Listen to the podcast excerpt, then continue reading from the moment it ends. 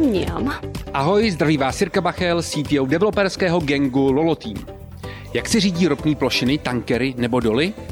Že to spolu nemá nic společného, ale má. Jak to, nám řekne Jindřich Šonka, Software Development Manager v ABB Group a Petr Kubát, Development Team Lead v ABB Group. Ahoj Jindro, ahoj Peťo. Ahoj. Čau. Tak, jdem na to. Kluci spolupracují v ABB už sedm let, tak znají všechny zákoutí ABB Group skoro z paměti. Kluci, zkuste nám říct, co ABB Group dělá.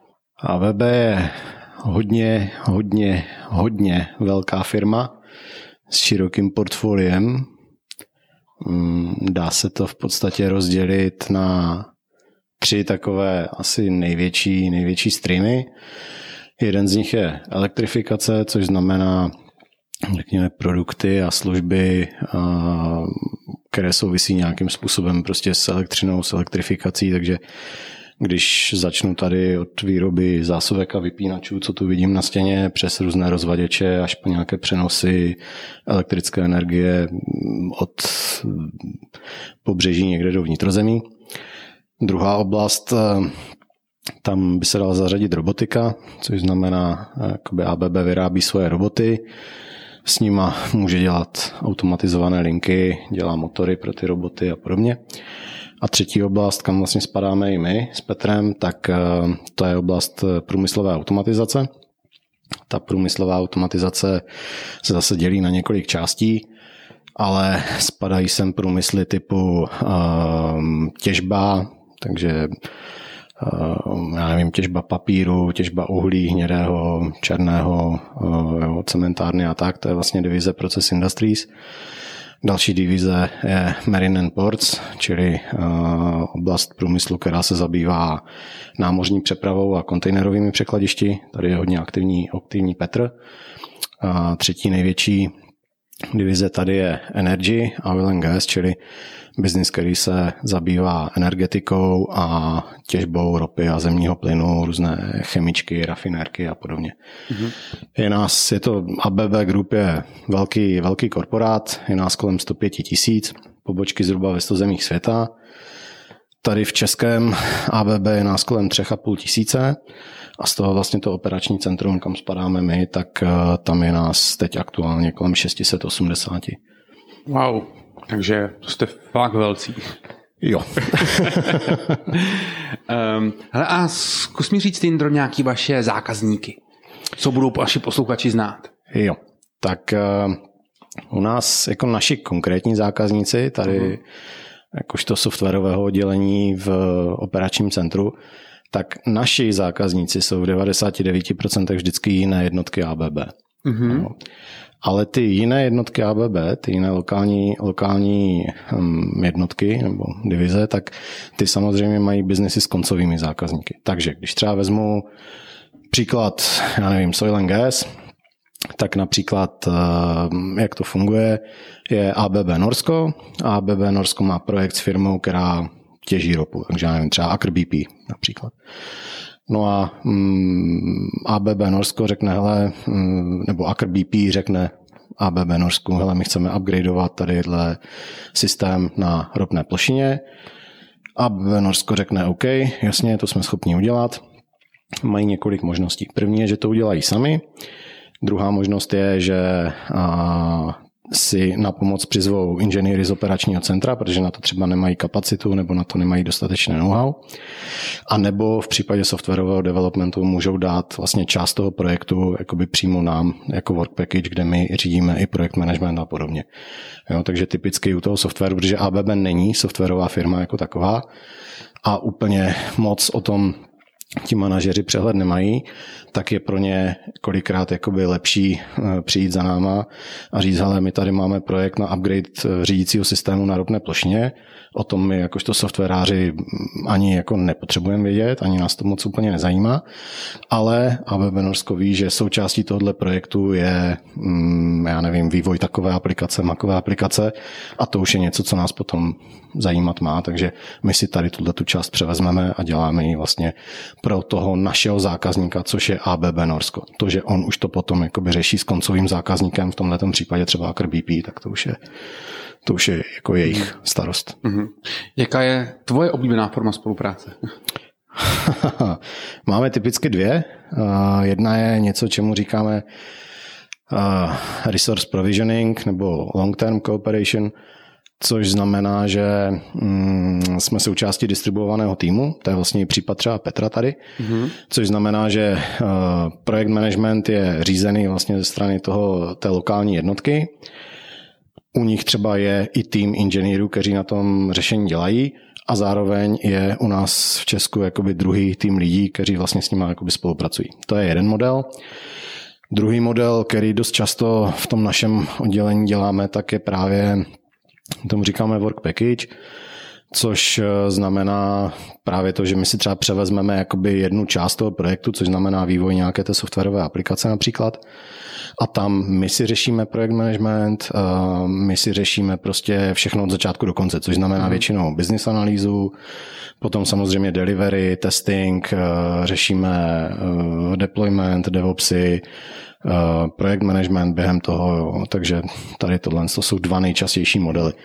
Potom máme třetí, ten je full scope, což znamená, že my vezmeme úplně s Akumpernum celý ten projekt vlastně a řešíme ho od začátku do konce. Těchhle z těch projektů v operačním centru máme několik. Um, obzvlášť je tam jedno oddělení, které se tady tím zabývá dlouhodobě, to je právě oddělení pro mm, papír, takže ti dělají tady tyhle ty projekty od A, od A do Z. U nás v softwaru máme teď aktuálně jeden takovýhle projekt, který se jmenuje Oversea a je shodou okolností taky pro námořní průmysl. Mm-hmm. A když si nakousl ten Oversea, co vlastně dělá? Hmm. uh, oversea je...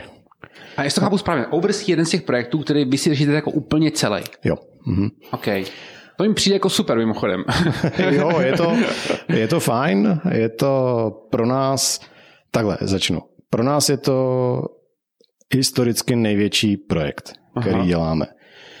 Řeči čísel dělá na tom cca 15 lidí, uh-huh. už druhým rokem, téměř dva roky. Víme, že ještě minimálně takových 9 měsíců budeme nějaký vývoj mít. Uh-huh pak už se to překlopí spíše do fáze jakoby maintenance a supportu a, a nějakého rozširování, takže nějaký vývoj tam bude pořád, ale už, už asi ne tak rapidní. No a cílem vlastně je vyvinout platformu pro našeho zákazníka, což je Marine Service, ABB Marine Service. Mm-hmm. A ti, mají, ti přišli z vizí před pár lety, že prostě chtějí udělat produkt, který nějakým způsobem bude umožňovat jakoby um, provozovatelům námořních lodí, tady se bavíme o těch jakoby námořní přepravy, jakoby nákladní, mm-hmm. jo, ne, ne nějaké osobní velké lodě, ale spíš se bavíme o těch nákladních lodích, tak eh, aby umožňoval tady těmhle těm eh, poskytovatelům těch lodí jakoby zpravovat tu loď vzdáleně, což znamená, aby věděli, v jakém stavu ta loď je a jak tu loď, vlastně, jak ty plavby dělat co nejefektivněji protože největším nákladem, který máš, když jakoby provozuješ takovouhle jednu plavbu, když prostě vezeš auta z Číny do Evropy, tak více než 50% nákladů ti dělá eh, spotřeba paliva.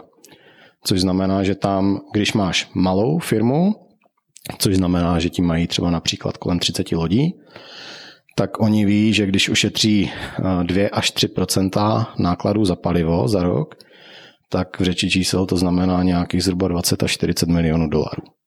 OK, ale jak se tam dá ušetřit, ne? Přece když jedu já z New Yorku do Londýna, tak prostě udělám tu přímku, spojím ty dvě místa a jedu. Jasně.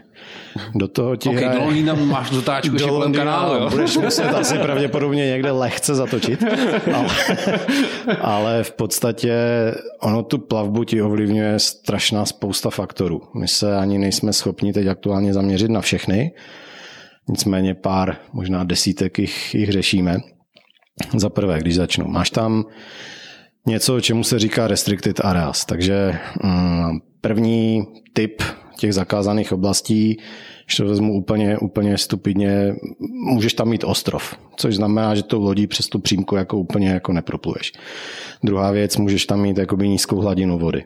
Jo? Takže máš typ lodě, která tam propluje, ale máš typ lodě, která tam nepropluje. Mm-hmm. Další typ těch restricted areas máš eh, třeba časově jakoby omezené, jo? což znamená, že když eh, plácnu čínská armáda vyhlásí vojenské cvičení v červenci v Jihočínském moři, no tak tam prostě nepopluješ, protože tě potopí. Jo. Takže to taky úplně nechceš. Těchto těch restricted areas je, je víc, ale tohle to jsou jakoby dvě, dvě hlavní. Třetí potom věc, která to komplikuje, tak je pohyb rybářských lodí, což je jako těžko predikovatelné a je to, je to složité. A nicméně na jakoby ten algoritmus, na, na tu optimalizaci té lodi, tak další vlastně faktory, které tam mají vliv, tak uh, jsou to samozřejmě předpověď počasí, protože když ti fouká vítr nějakým směrem, tak ti to ovlivňuje pohyb té lodi, výška vln ti, pohybu, ti mhm. ovlivňuje pohyb té lodi, a směr těch vln a toho větru ti ovlivňuje jakoby ten pohyb. A roční období tam hrajou roli, protože v ročních obdobích se mění jakoby směry proudů, takže tady tyhle ty věci s těma my tam počítáme. Další věc třeba, kterou řešíme, tak je náklon té lodi, jo, protože ta loď, když by plula jakoby kolmorovně, tak má nějakou spotřebu, no ale když ty trošičku nakloníš jakoby na bok, protože víš, že ti vlny foukají třeba zprava doleva, tak víš, že když jako upustíš balastní nádrže na jedné straně a naplníš je na druhé, aby se ta loď trošičku naklonila, tak najednou zase jakoby propluje, propluje snadněji. Okay. Takže takovéhle věci řešíme. To znamená, to, to je mnohem, mnohem, mnohem komplikovanější, než jsem si myslel. No, můžeme se o tom pobavit s klukama, co to vyvíjí. A když přejdu jako lehce k, k těm přístavům, to je, Peťo, velký tvůj obor, že jo? Mm-hmm. Už asi 8 let. A co se stane s takovým kon... Takhle, zkus nám trochu přiblížit, na čem teďka pracuješ. Jo. My děláme automatizaci kontejnerových eh, terminálů nebo přístavů. Ne vždycky přístavů, jsou to i vlaky. Říkáme tomu terminály. A to, co my řešíme, je, eh, že my těm eh, terminálům nabízíme automatizaci toho že, že řešíme a říkáme tomu terminálu, co vyjíždí anebo se dostává dovnitř a co odjíždí nebo se dostává ven.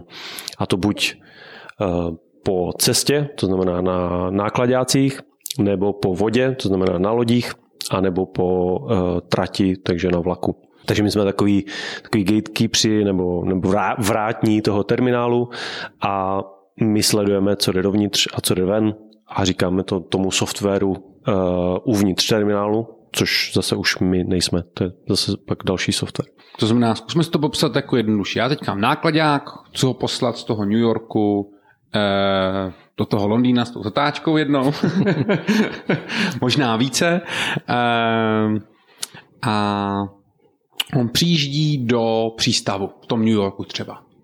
Tak, takže nákladák přijíždí do přístavu, takže ten nákladák přijíždí do toho přístavu a projede takovou tomu říkáme portál nebo brána, nebo je to prostě taková, uh, jsou to takové tyče, na kterých jsou, na kterých jsou pověšené kamery uh, a ten kamion tím pomaličku projíždí a v zemi jsou zařezané uh, cívky, které jak, jakmile ten nákladák nad nima projede, tak samozřejmě my to zjistíme, že tam teda něco se pohybuje a náš software, který ovládá tady ten portál a všechny ty zařízení na tom portálu, to jsou ty kamery a různé světla, tak ví, co má dělat, ví, že má zesynchronizovat rozsvícení světel, uh, spuštění uh, capturingu těch, těch kamer a ten Eh, kamion teda pomalu projíždí, projede pomalu tím, tím portálem. My z toho získáme všechny ty obrázky, ty data, pošleme to rozpoznávacímu systému, který teda provede OCR, Optical Character Recognition,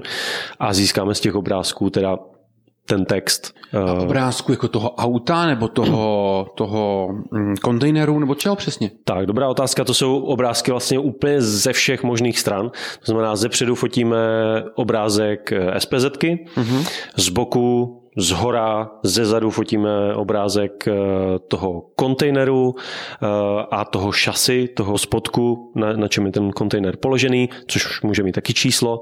Ty kontejnery mají čísla a to nás vlastně všechno zajímá, nebo to zajímá teda ten terminál a my to zjišťujeme a tomu terminálu to potom dáváme vědět. Nás se to týká tím, že jakmile ten kamion projíždí a my zjišťujeme, co veze, tak nejdřív, když projíždí tím, tím portálem, tím se zabývá jedna z těch našich služeb.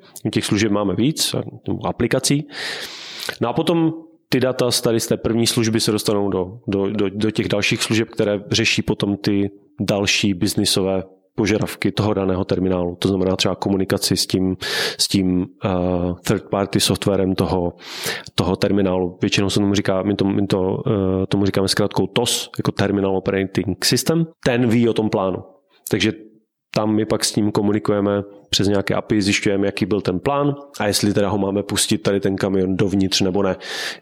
Součástí našeho řešení jsou třeba závory, takže on vlastně projede tím, tady tím portálem s těma kamerama a jede po té cestě dál a zastaví se u takového kiosku, kde je obrazovka, je tam malá tiskárna, je tam skener otisků prstů, je tam QR code skener, eh, je tam kamera, aby případně, kdyby s ním někdo komunikoval, viděl, jak ten člověk vypadá, je tam VoIP eh, modul, který má mikrofon a speaker, aby s, ním, s tím řidičem šlo mluvit. No a tady u toho kiosku se ten řidič zastaví, před tím kioskem se samozřejmě závora, takže se musí zastavit. A na tom kiosku ještě kromě jiného je teda dotykový display, který má takovou eh, webovku, na které my toho drivera provedeme takovým wizardem, kde ještě doplní úplně další, poslední informace, které my potřebujeme vědět, aby jsme to mohli poslat tomu TOSu, tomu terminálu. Peťo, a proč nestačí SPZ? Jakože, vy přece, když víte, kdo tam přijde, tak asi víte, že to je UPS a že má SPZ 9AC. jo, to je super otázka, protože oni samozřejmě, když dělají ten plán, jak jsme Aha. se bavili před chvilkou, tak uh, oni musí, oni většinou uh, řeknou, jaká SPZ dojede, nebo teda mm. jaký kamion dojede. Dokonce řeknou, jaký driver tam bude, mm. jak, jaký řidič to, to bude řídit a co poveze. Uh, naším úkolem je ověřit, že realita je opravdu mm odpovídá tomu plánu. Protože samozřejmě, kdyby jsme neověřovali tu realitu, tak, eh, tak bychom nepotřebovali ten náš systém a ty kamery a tady tohle všechno. Oni by si to prostě naplánovali a on by tam přijal, že? Ale samozřejmě to pak svádí tady k nějakým, uh, nějak, nějakému pašeráctví a různým prostě tady podvodům. Takže tím naším úkolem je ověřit, že realita odpovídá plánu. To je vlastně jo, jo, celý jo, náš cíl. Víc, jako nesmíš zapomínat ještě na jednu věc a to je, že tady jakoby ty traky a ty raily, to je jako jenom jeden směr do toho přístaviště, jenomže ty to přístaviště máš jako malé město a typicky jakoby z jednoho směru ti jezdí traky dovnitř anebo vyjíždí ven mm-hmm. a na druhé straně máš přístav, máš tam obrovskou loď a ty kontejnery vlastně putují buď to směrem z lodi na traky a pryč, a nebo naopak z traku na loď a lodí potom pryč. A ty jakoby musíš vědět v tom kontejneru nejenom, co se děje v tom prvním přístavu, když to dáváš třeba z traku jakoby na, na loď, ale ten plán potom typicky těch přepravních společností je, že ten jo, pak ta loď odpluje právě do toho Londýna a tam je ten samý kontejner, který vlastně jakoby prošel tím Petrovým systémem vlastně v tom New Yorku, ale v Londýně se za pár dní, týdnů, nevím, objeví jakoby zase ten samý kontejner a je potřeba, jo, takže proto musíš skenovat i čísla kontejnerů. No. My vlastně jeden ze softwarů, který teda děláme, protože jak jsme říkali, že jsme takový vrátní, mm-hmm. tak uh, uh, co se týče toho, co přijíždí nebo odjíždí na lodi, tak vlastně ten náš uh, hardware a potažmo software uh, se týká jeřábu. To znamená, ten jeřáb vlastně uh, vezme ten kontejner z nějakého vnitroterminálního kamionku a naloží ho na tu loď, nebo teda obráceně vezme ho z lodi a naloží ho na ten nějaký terminálový kamion, ten, ten ho odveze na nějaký stek uvnitř toho terminálu. No a na tom na tom jeřábu, to jsou takové ty velké jeřáby, co taky, zas, taky někdy je možné vidět na fotkách, tak eh, na tom jeřábu máme právě spoustu kamer a jak, jak, ten, jak to rameno toho jeřábu zvedá ten kontejner, tak vlastně projíždí eh, nějakou, nějakým místem, kde všechny ty kamery eh, zase jsou schopné oskenovat ten kontejner a tím pádem vidí, co se nakládá nebo co se vykládá. Chápu, hele, pojďme trochu k tomu hardwareu, na kterým vlastně tenhle ten váš software běží. To je furt uh, hardware, to znamená, předpokládám, že všechny kamery jsou připojený k internetu, nebo to všechno běží offline uvnitř tý, toho přístavu? Uh, je to všechno offline, je to všechno on-premise, uh-huh. je to všechno v rámci toho terminálu propojené ehm, většinou ethernetem, většinou zařazeným někde v, jako v zemi, v tom, v tom uh-huh. betonu a na tom terminálu většinou máme nějaký, nějaký server room a tam vlastně je dedikovaných několik prostě serverů, na kterých běží ty naše aplikace. Eh, typicky třeba teď jsme se bavili o té aplikaci, která eh, řeší ten jeden portál, tak typicky máme server, jeden server pro jeden portál, který právě musí řešit mm-hmm. ty data vše, ze všech těch kamer na tom jednom portálu. Chápu, hele, a zkusme trochu víc do hloubky k tomu, k tomu softwaru. To znamená, čem to píšete? Technologie, kterým se věnujeme, jsou, jsou převážně Microsoftí, ne výlučně, ale, ale jako většinou. Eh, v podstatě většina backendu je C Sharp a mm, frontend teda samozřejmě v tom, co zrovna aktuálně je tam, potřeba. Tam jako záleží, jo. jestli prostě děláme webové apky, kterých máme odhadem tak 60 až 70 uh-huh tak tam buď to, to může být prostě MVC, ať už klasické nebo .NET Core MVC, může to být Blazor, a může to být nějaký TypeScript framework, jo, Angular, něco je v Reactu. A v případě desktopových aplikací, kterých je odhadu tak 20 až 30 tak tam používáme většinou VPF uh-huh. na straně frontendu. Backend ten je téměř vždycky jakoby v C Sharpu. No a potom máme pár jakoby jednotek procent projektů, co jsou buď to mobilní aplikace, anebo to jsou apky typu machine learning je asi možná silné slovo, ale jakoby nějaká prediktivní analýza, jo, což znamená, že třeba vezmu jako teď aktuální projekt pro PI, ten je pro eh, černouhelný důl Bogdanka v Polsku a je vlastně zajímá, tam je přepravník, jo, což je obrovské zařízení, prostě je to dlouhé několik desítek na listovek metrů, široké několik metrů a na tom zařízení je spousta asetů. Asset je termín jako obecně pro, já nevím, nějaké zařízení, takže může to být motor, může to být ventil, může to být nějaký senzor, whatever. No a tady tyhle ty asety posílají o sobě nějaká data. Jo, typicky je to třeba co 100 milisekund. Jako, jo, takže motor může posílat eh, data o teplotě, otáčkách, hodnotě oleje, nevím co všechno. No a vlastně management toho, toho dolu chce vědět na základě historických dát, kdy došlo k nějakému selhání, že nějaký aset se rozbil, tak chtějí vědět, kdy k tomu dojde pravděpodobně jakoby v budoucnu. Mm-hmm. Jo, takže takovéhle typy projektů tam taky děláme, není jich moc, ale asi bys to napočítal jako na prstech jedné ruky. A tady u těchto těch projektů typicky používáme eh, Python na pozadí.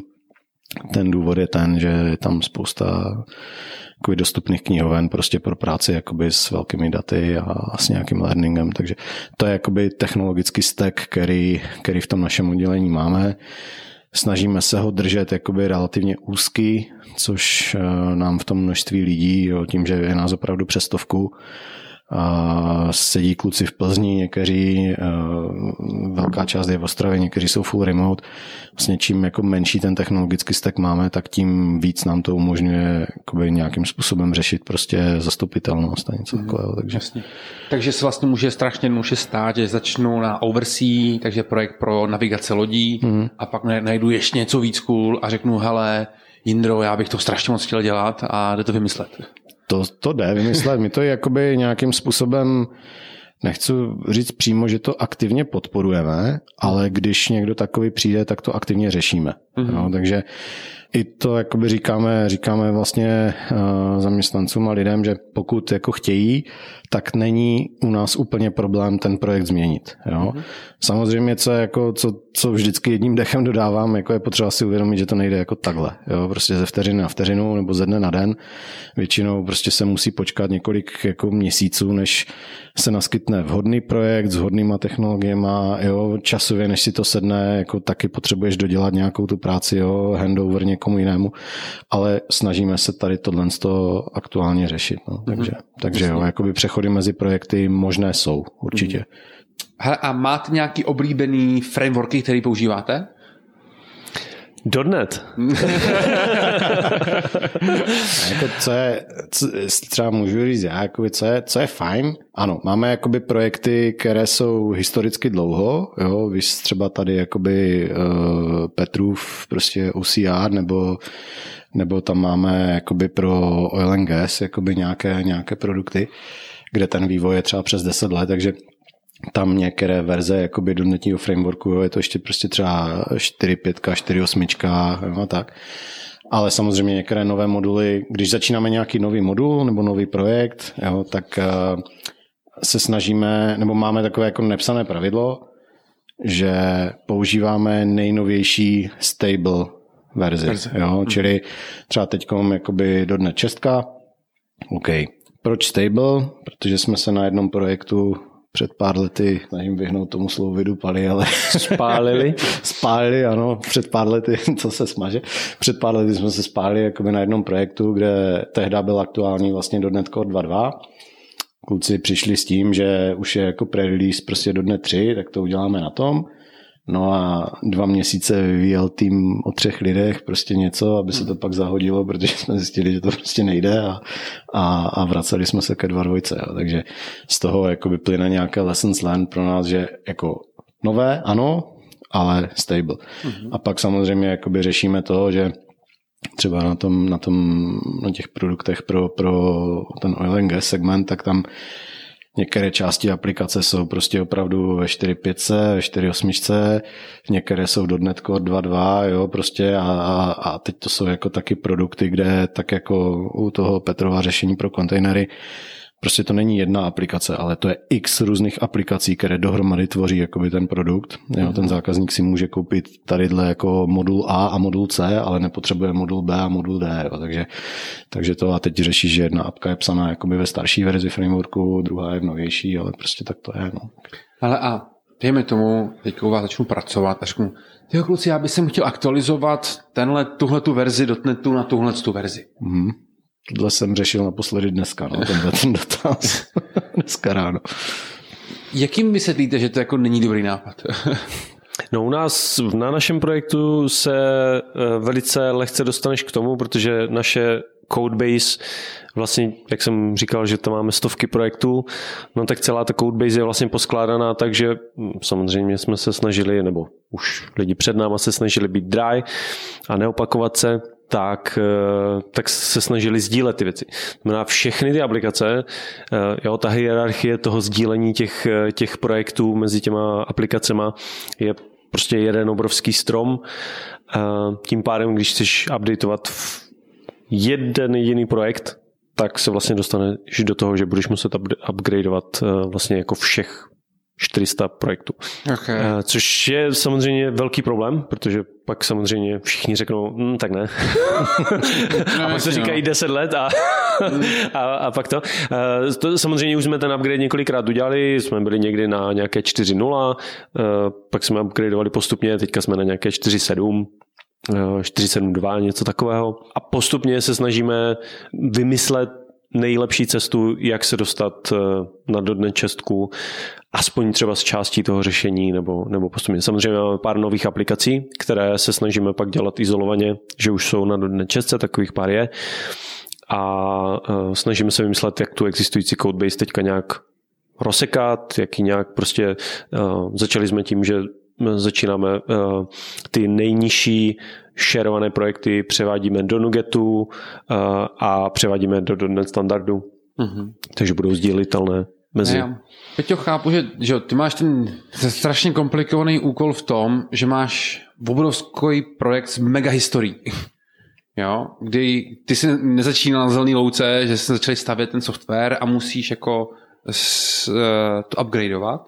Na druhou stranu se to opačně. Dneska, dneska přijdu a vidíme třeba Oversea, prostě nový projekt relativně a můžete si vybrat a chápete, že v budoucnu naroste do těchto rozměrů, pokud bude úspěšný. Uh-huh. Jak se s tím letím dá bojovat? Aby se jako nestávalo to, že část uh, té aplikace je ve starém dotnetu uh-huh. a aby to bylo, dejme tomu, nějakým způsobem jako dlouhodobě jako příjemný na udržování. Jo. Myslím, že jako bojovat se s tím asi nedá úplně, bylo takový jako Don, Don Kichotský boj, asi se s tím dá bojovat částečně a myslím si, že ta cesta je prostě nedělat jeden velký moloch, ale prostě rozsekat to jakoby na jednotlivé ať už to nazveme, já nevím, moduly nebo menší aplikace, jo, které nějakým způsobem budou integrované. Jo, protože nechci záměrně jako se tady vyhýbám prostě pojmu microservices, protože prostě to, to nemusí to být řešení. Může, může být, neříkám, že ne, ale, ale třeba tady v tomto případě asi to úplně jako nevidím, zrovna v případě Oversea. Ale opravdu prostě, jestli mám jakoby jednu část aplikace, která dělá něco, tak to naimplementuju jako jednu nějakou jako apku vyberu si framework, jo, takže třeba aktuálně OK, do dne Česka, udělám to do dne Česka, no a pak prostě, až budu za dva roky vyvíjet jakoby nějaký jiný modul, tak já ho nebudu mastit jakoby do té dodne čestky, do tady téhle apky, ale radši to udělám prostě jako separé aplikaci v dodnet, nevím, co bude, 8 plácnu, jo, a prostě nějakým způsobem jakoby je zintegruju, ať už prostě formou, že každá bude mít svoji apinu, nebo, nebo tam opravdu může být nějaká jako servisa, co bude tady tohle řešit. Myslím si, že tady toto je jako způsob, jo. Hele, kluci, mně vždycky přijde, že když se takhle přepisuje ten kód z toho starší verze na nový, tak potřebuješ mnohem zkušenější lidi. Že na té zelené louce ti nějakou jakou tu apku zvládne kde kdo. Ale v momentě, kdy to zadání on dostává už v nějakým starším kódu, tak mu musí rozumět, aby ho dokázal pochopit. Je tam většinou milion podmínek, který on musí nějakým způsobem dodržet a zároveň se snaží to udělat líp, že vlastně optimalizuje často ty části kódu. Takže mi většinou přijde, že tenhle ten upgrade je mentálně náročnější pro ty lidi, než když to píšu na zelený louce. No je to tak, protože zároveň jako ten člověk, e, tam se nejvíc poznají ty zkušenosti toho člověka s tím provozem toho, toho softwaru a s tím, jaké chodili mhm. bugy do toho softwaru a proto, když to píše ten, který s tím má ty zkušenosti, tak je schopný to nově psát už potom s tím, s tím vědomím, že tohle byl ten největší pain mm-hmm. a takže to proto to budu psát takhle. Zatímco ti, co s tím ty zkušenosti neměli, to potenciálně vlastně jakoby můžou napsat lépe, ale vlastně úplně stejně ten, ten základní pain tam nechají. To, a to, vlastně se, jakoby... to se bavíme o tom, že jakoby je tam člověk, který už tu apku psal předtím a teď ji má upgradeovat. Jo, potom ano, potom ten člověk ví jako s odstupem času, že tohle to byl ten největší pain a proto to teď budu psát jinak. Jenomže když tam bude někdo jiný, tak byť to bude senior, tak zase jako tyhle ty věci ti nemusí úplně jako dojít, jo, podle mě, takže to je, ale... je jako rozhodně je, jako, je jednodušší psát apku na zelené louce, než prostě přepisovat stávající aplikaci jakoby do nových technologií nebo do nového hábitu. Jo. Třeba máme jakoby takovéhle projekty Teď mi napadá jeden, ono jich asi bude víc, ale máme paralelně ročně kolem stovky projektů, jo, ale jeden je dlouhodobý, vlastně SCADA. A to prostě je projekt, kde um, řídí si systém, spolupráce s ABB Kanada, takže časový posun, já nevím, 8 hodin nebo kolik tam je. A je to vlastně, že, že jakoby serverovou část o tu se starají uh, kluci z Kanady. My máme na starosti klientskou část a přepisujeme z Visual Basicu jakoby do C Sharpu, jo, ze starého Visual Basicu do nového C Sharpu a do toho vlastně zachováváme některé jako stávající funkce a do toho implementujeme některé nové funkce. Takže si představ, jakoby, co to musí být. Jo. Ti kluci se museli naučit číst ten Visual Basic, aby pochopili, jakoby, co, co, co ta funkce dělá což zase jako až takový problém není. Ono je jako obrovský rozdíl jako přečíst ten kód a nebo ho umět napsat. To, je jakoby, to si myslím, že jsou dvě různé věci. Jo, jo. jo ale jako i tak je to prostě složité, jakoby, jo, tady tohle. Jo, takže. Jo. Ale zároveň, to, že máš ten předchozí verzi aplikace, tak máš perfektní vlastně zadání. To jo, co se, pokud ho umíš spustit lokálně a, a podobně, tak, tak jo. No. Ale to, to je možná otázka. Komentáře. V jakém jazyce píšete? Pro nás angličtina. My máme spolupráci s Američanama, jo, jo. A, ale myslím si, že se to trochu prolíná jakoby celým naším software departmentem, jo, jo. že a nejenom komentáře, prostě pro nás jako v našem software departmentu je jako od e-mailu až po poznámky jo, jo, jo. Uh, i přes ten kód, všechno jakoby, Ještě ty maily občas jakoby jdou v češtině, ale tím, že máme pár jako zahraničních kolegů, jo, kteří prostě mm. se přistěhovali třeba do Česka a tak, tak já když něco píšu jako ofiko na všechny, tak většinou vždycky dám první jako českou verzi a potom anglickou. Co se kódu týče, tak všecko v angličtině. Stoprocentně. A nedávno jsem eh, svoje kluky uh, opravoval, protože, nebo jsem jim říkal, že to mají změnit. Eh, dělali PR na, na, na pull requesty, si dělali v, v češtině.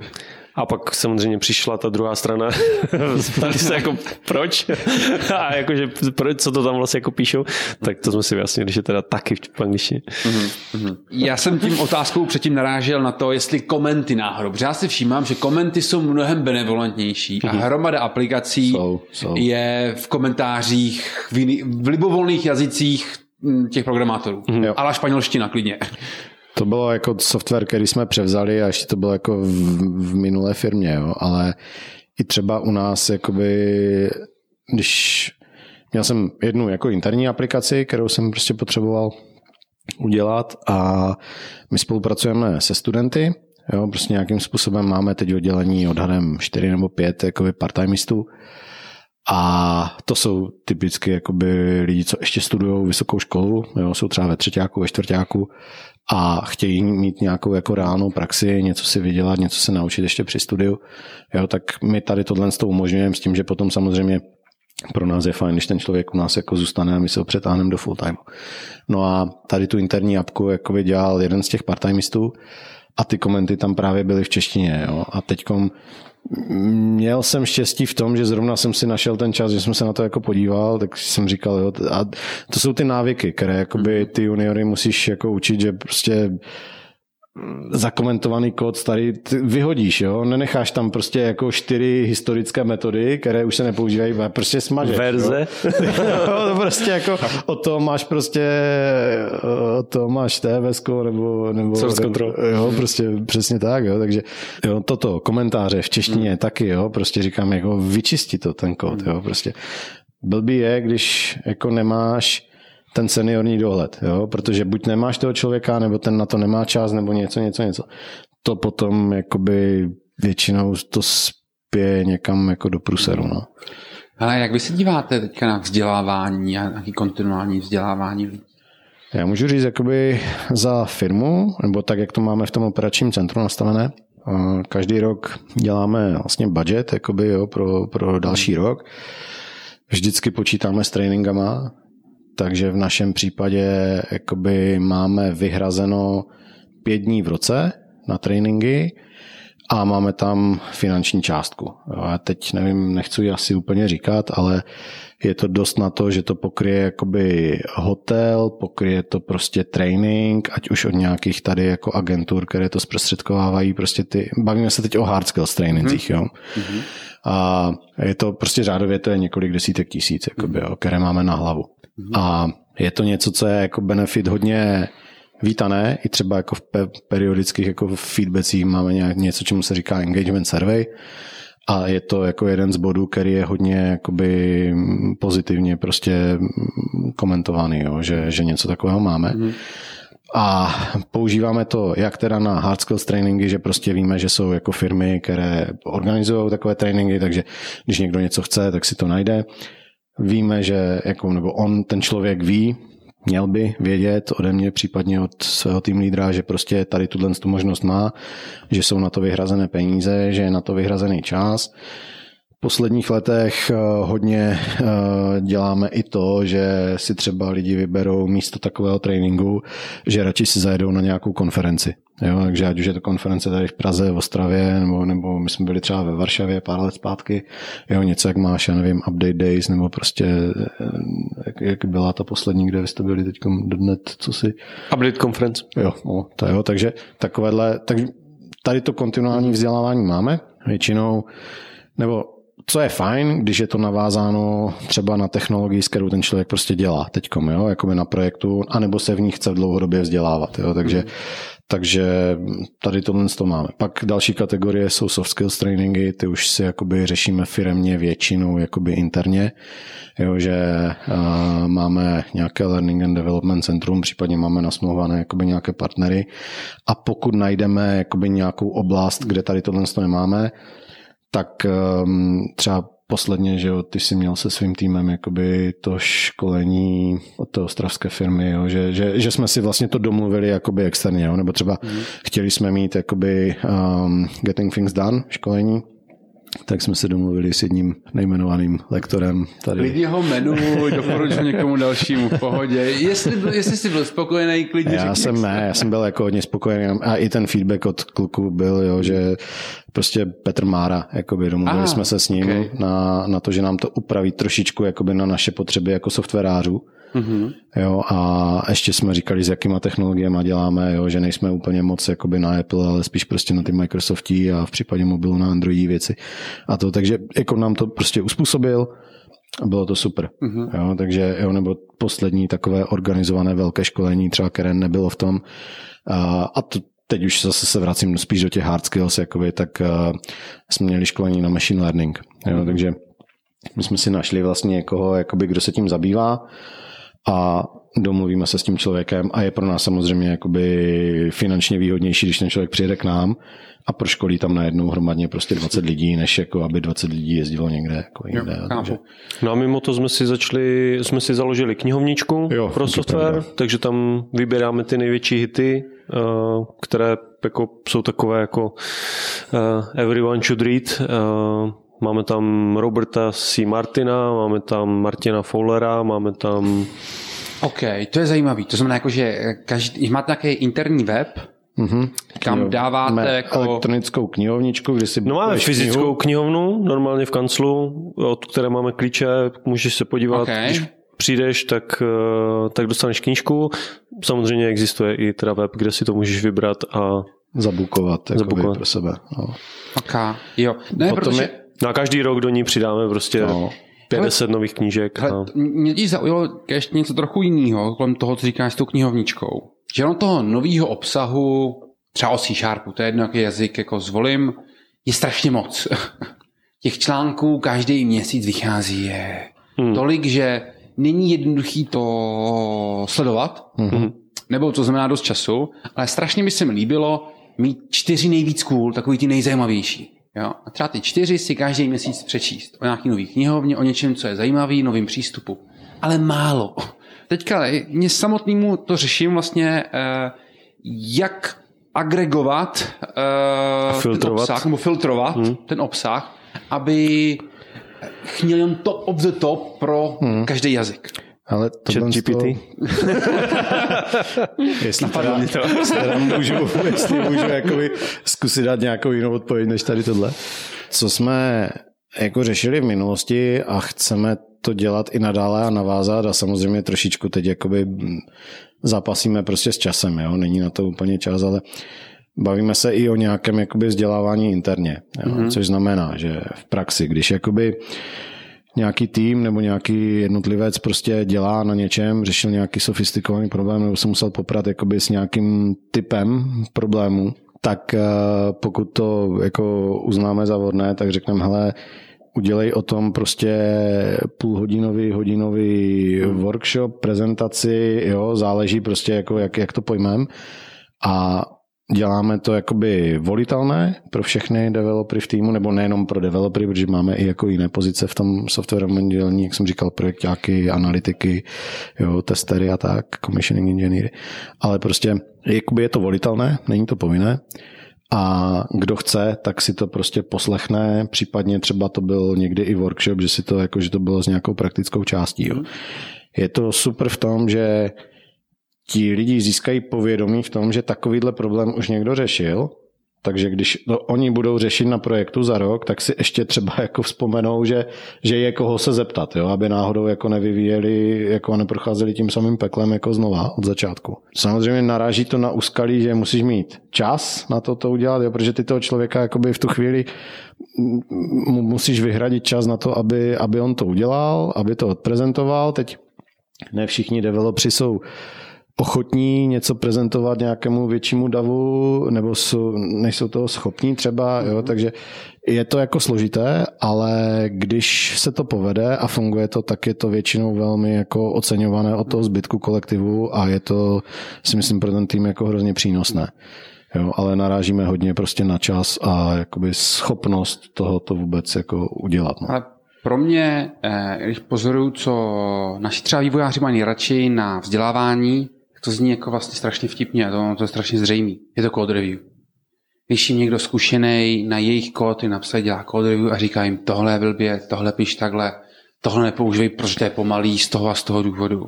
Hmm. A tohle těm juniorům a mediorům nejvíc pomáhá, aby najednou z ní byli zkušení kluci, co... co... A holky. A holky, přesně. Uh, Peťa má teď jako v týmu kolegyni jednu, tak Nekecej. to musí. Já bych strašně moc chtěl holku do týmu, fakt jako strašně moc. Ale je tak málo. Mrzí mě to. Máme málo, no? v softwaru, jak jsem říkal, je nás teď aktuálně asi 105 a holek máme, když vezmu vývojářky, teď nechci, nechci jmenovat, ale napadají mě dvě, tři, Hmm, hmm. myslím si, že tři. No do pěti, no. No a potom máme jakoby testing team a documentation team a tam jich je, tam jich je víc, takže jak bavíme se třeba o deseti, o deseti, deseti holkách lomeno Takže žena. 10%, Ale- no. No, Ale- zhruba 10%. Seš na, když se dívám na statistiku poslechovosti podcastu, mm-hmm. tak tam cca seš, tam je muži ženy rozdělení, víš. A, 10%? jo, jo, ale, ale bohužel jsem zjistil, že můj, náš podcast, nebo mají rádi HRisti. A tam je ku podivu jako... tam ti to asi dost zkresluje statistiku, rozumím. Jo, jo. Že, že často poslouchají rádi kvůli tomu, že se učí, o čem, jak vlastně zní programátoři jako v akci, víš, jak, jak si vlastně povídají mezi sebou a co vlastně řeší, aby trochu chápali tu problematiku, aby byli schopni rozlišit rozdíl mezi Java a JavaScriptem. To si myslím, že už je jako složité. No, ale dobrý kluci, zkuste mi říct teďka, uh, jaký challenge vás čeká v letošním roce. Challenge v letošním roce. No, uh, tak já začnu od toho, od, uh, odkud jsme přišli. Technologický dluh, to je mm-hmm. pro nás konstantní challenge. Já se teda k tomu už tak jako nějakou dobu snažím přistupovat a my se teda opravdu jako aktivně snažíme přejít, jednak teda naše, naše codebase je v eh, source, eh, v source controlu SVN a rádi bychom přešli na Git a mít možnost prostě dělat eh, pull requesty ve stylu, v jakém to dělá zbytek světa. Takže to je jedna z našich výzev. No a kvůli tomu, co jsem říkal předtím, že ta, celá ta codebase je prorostlá, závislá prostě sama na sobě, tak je to challenge a musí se ten switch udělat tak, jakoby, jako hop a go a jeden víkend a pojedeme. Akorát to samozřejmě v sebou nese potom jakoby závislost na build serveru a, a ten musí být předpřipravený na to, aby když uděláme ten switch, tak aby to bylo seamless a aby jsme pořád buildili ty instalery, tak jak to teďka build- buildíme. Takže to je jedna věc. A teďka vlastně, co se týče projektu, tak eh, momentálně před náma se rýsuje nasazování do, v, ve Spojených Arabských Emirátech, kde zákazníkem je eh, firma, která tam chce, vlastně staví novou, novou trať přes celé Emiráty a bude tam několik, eh, staví tam několik eh, vlastně terminálů, eh, vlastně těch vlakových a kamionových, překládání z eh, kamionů na, na vlaky. A čtyři z nich jsou automatizované pomocí našeho našeho systému, takže to teďka vlastně na začátku února budeme, budeme rozjíždět, tak mm-hmm. To je u nás teďka nejaktuálnější challenge. Jindro, a co čeká tebe? No, já jsem tady během, během Petrovy odpovědi jsem přemýšlel nad tím a těch challenge je, je, je víc, ale co bych asi vypíchnul, my se snažíme už jako nějakou dobu kontinuálně pracovat na, to asi bude znít hrozně blbě, ale um, nějakém jako zvýšení prostě té inženýrské kvality. Jo, prostě se, občas se nám stává jako na některých projektech, že tam máme třeba jakoby juniorní lidi bez nějakého většího seniorního dohledu. Mm-hmm. Jo, nestává se to naštěstí často, ale prostě občas, jo. Začali jsme si na to dávat Začali pozor. jsme si na to dávat takhle, jo, to je... Po několika Děkuji. spálení. ano, začali jsme si na to dávat pozor, aby se tady tohle to nedělo a je to strašně složité, jo. Ne vždycky to jde, ne vždycky máš ty volné lidi, prostě potřeboval bys víc těch seniorů, prostě nemáš je, jo, je to, je to, je to jako složitá věc, ale v podstatě, jestli jsme jakoby našli nějaký jako problém nebo challenge, který máme, tak ono se to furt opakuje a nejsou to složité věci. Myslím si, že v jiných firmách jako softwarových, kde jsem byl, nebo i v těch mnoha dalších, jako kde, kde, kde třeba jsou posluchači tohohle podcastu, tak si myslím, že to bude podobné. Prostě business analýza, specifikace toho projektu, jo, vydefinování toho skoupu, prostě. Vůbec jako naučit ty lidi, že, že, že máš něco, jako jsou akceptační kritéria, jo, že i když jakoby jedeš agilně, tak prostě pořád na začátku máš jako nějaký scope of work, ty řekneš nějaký odhad, kolik to bude stát, za jak dlouho to bude hotové, měl by se z toho držet, jo? měl by si z někde psát, co jsou change requesty, měl by si upozorňovat projektáka na to, že to jsou change requesty. Projekták by to měl řídit, měl by prostě dělat jakoby uh, tu diskuzi směrem k tomu zákazníkovi. Jo? Teď bavíme se o tom, jaká je zodpovědnost jako business analytika, jaká je zodpovědnost projektáka, Vůbec definování rolí. Přesně tak, projektu. vůbec definování rolí na tom projektu. Jo? Takže tohle to jsou věci, které my teď to trošičku jakoby, teď se tomu věnujeme, trošku to překopáváme, protože posledně, když jsme se tomu věnovali, jsou asi tři roky zpátky a prostě zjistili jsme, že máme nějaké projekty třeba, kde to fungovalo dobře, a máme nějaké projekty, kde to jako nefungovalo dobře. Jo? Takže se snažíme, abychom ty, kde to nefungovalo dobře, posunuli jakoby na ten level těch, kde to fungovalo dobře a pak se můžeme bavit o tom, jestli to třeba ještě posuneme někam dál. Takže toto je třeba pro mě jakoby největší challenge a myslím si, že to je jako prostě dlouhodobý job a je to náročný job, protože tady se bavíme o tom, že jako musíme změnit návyky těch lidí a, a vůbec jako pohled na to myšlení, jo, že ať i ti developři se nebojí říct, hej, už to dělám prostě po třetí, po každé ten požadavek byl jinak. Asi to je change request, mm. jenomže když to nikdo neřekne tomu projektákovi, tak ten, ten to neví, ten to nemá šanci jako uhlídat a pak prostě samozřejmě všechno dobrý, zákazníkovi vycházíme vstříc, on jednou to chce takhle, pak to chce jinak, pak to chce zase jinak. Všecko super do chvíle, než prostě dojde budget a hej, jako... Jo, to, že to není hotové. Přesně tak, jo, takže tady tohle to si myslím, že bude jako asi jeden z velkých challenge na tenhle ten Jsi vybral velký challenge. No, jako, já vím, no, a tak zase jako jsme velká firma a děláme no, velké věci. No. No, no, no. Dobrý kluci, hele a mám pro vás můj oblíbenou poslední otázku. Můžete mi říct něco, co se vám nepovedlo? Vím, že to je těžký.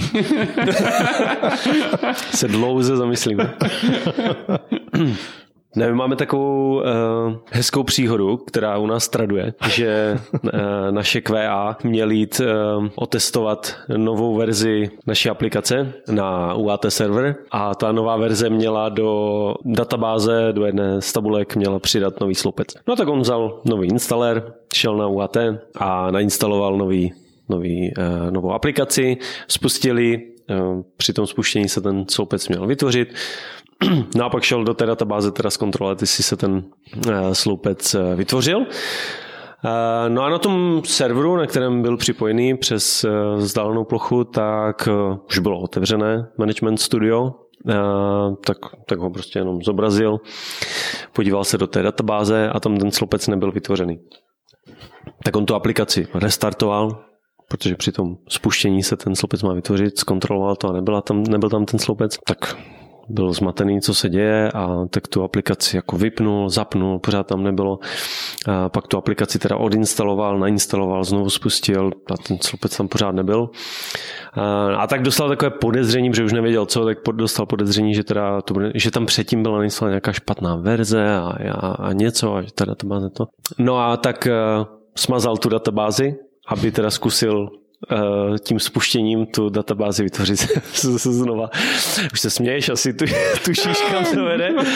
Eh, no a já jsem jako zmínil, že on, eh, to management studio tam bylo puštěné, tam, tam leží ten, ten zakopaný pes tady toho problému.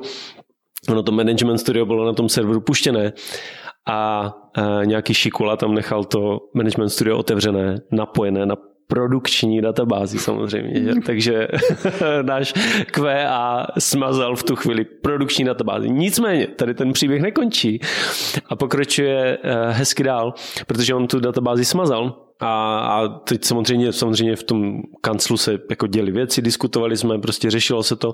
No a on poté, co to smazal, tak on vlastně jakoby uh, provedl tu instalaci jako na čisto a ještě to mazal a tak, chvilku mu to trvalo. Pustil tu aplikaci, která měla vytvořit tu databázi na tom OAT serveru a on šel do, se podívat zase do toho management studia. Tam ta databáze byla vytvořena bez toho sloupce. Tak on si řekl, to je nějaké divné, já to zkusím ještě jenom. Zase jí smazal. zase jí smazal. Zase provedl uninstall, install, spuštění. Mezitím došel e-mail od zákazníka, že, že jedna z našich site, která samozřejmě eh, byla zrovna tady ta, na které se dělalo tady to testování, zažívá nějaké eh, neočekávané problémy a že, že jakoby rádi eh, požádali o naši pomoc a zjištění, jako co se asi, asi jako může dít. V té chvíli, v té chvíli můj kolega se otočil na mého druhého kolegu, který prováděl to testování, řekl odstup od počítače, protože mu došlo, co se děje, věděl, že testuje, věděl, že má databáze a spojil si všechno dohromady. Ono se stalo samozřejmě to, že s chodou okolností, nebo ono to nebyla až tak velká náhoda, ve chvíli, kdy on smazal tu databázi, produkce samozřejmě přestala fungovat a první, co oni zkusili, když zjistili, že se stal problém, tak restartovali tu aplikaci, což vytvořilo tu databázi samozřejmě a, a my jsme jim smazali znovu, takže to byl takový pěkný, pěkný uh, fuck up, který se nám povedl, tak to, to, to je taková hezká příhoda. A to je nádherné, myslím, že to je poprvé, co slyším, že někdo smazal produkční databázi dvakrát. dvakrát. Přesně, to jako jednou ji umí smazat každý, ale dvakrát to se jako nestává úplně často. Ach, jo, to je hezký. To je hezký. A vlastně mě to překvapuje. To se stalo v, v těch um, zprávů těch kontejnerů, těch přístaviští. Ano. Já si myslím, že to běží jako offline, všechno jako on-prem, že tam nemáte přístup takhle. Jako je. Ne, přístup tam máme, no, většinou přes jo. nějakou VPN a... Hmm. Jo, chápu. jo. Ale jako třeba z tohohle důvodu softwary na těch ropných plošinách, tak tam hmm. přístup nemáš, a když ho máš, tak ho máš, máš jakoby časové okno, kdy to máš jakoby povolené a, a otevřené. Jo. Takže třeba jakoby před covidem v podstatě neexistoval zákazník, který by dovoloval nějaký remote access jo, na některou jakoby z hmm. plošin, hmm. abys tam něco jako instaloval jako vzdáleně. Takže to fungovalo tak, že kluci prostě sedli do vrtulníku, přiletěli tam, tam jakoby nainstalovali ten software, vyzkoušeli, všecko fungovalo, zase odletěli a zpátky. Potom během covidu, tak to teda jakoby nějakým způsobem prostě otevřeli, byť neradí, ale, ale otevřeli, takže jo, přes soustavu různých jako VPNek a RDPček prostě nějak se tam jakoby dostaneš. Zase nedostaneš se tam jako z kteréhokoliv kompu, ale třeba prostě u nás v Officeu je jedna jediná vyhrazená kancelář, která má svoji vlastní jako separe connectionu prostě fyzicky a, a s nějakou pevnou IP adresou a prostě jakoby z toho z tohohle kompu se tam jako dostaneš, jinak ne. Jo, a třeba máš to jako otevřené na dva měsíce plácnu a pak ti to zavřou a nikdo se s tebou nebaví a musíš to jako udělat do té doby. Takže to byl během covidu. A teď jsem se právě ptal kluku, jestli jakoby tady tohle to už zůstalo a ti lidi se, jako ti zákazníci se naučili, že, že to jde i remotně a odpověď byla, že se zase jako sráží zpátky, jo, že prostě tam, tam ten tlak na security je tak jako obrovský, že, že hmm. tam tady tohle moc nejde. No. Ale já musím doplnit i nějaký další fail. Musím se přiznat, není to poprvé, co tady kluci se mnou sedí. um, a nebudu vám vysvětlovat důvody, proč se to tak stalo. Um, mimochodem, dejte si pozor na MacBooky. Ale když jsme se povídali minule, tak nám Jindra říkal úžasný příběh o ropných plošinách a jak netriviální je se na ně dostat a co všechno kolem toho je. Bohužel, dneska na to úplně nemáme už čas, ale až ho potkáte, zeptejte se ho na to, je to fakt, fakt zajímavý. no, tak to zas bude. Super. Uh, Peťo, Jindro, moc, moc, moc díky, že jste si udělali na nás čas. Dvakrát. díky, díky. Taky děkujem. Jestli máte zájem poslechnout, jak to funguje i v dalších známých českých firmách a startupech, nezapomeňte nás odebírat. Ahoj a brzy naslyšenou. Wow. Máme za sebou další Scripty Show. Přihlaj se k odběru, abys slyšel další slíkačky. A jestli máte zájem zatancovat si s námi u tyče, tak za námi přijďte do klubu na adrese www.lolo.team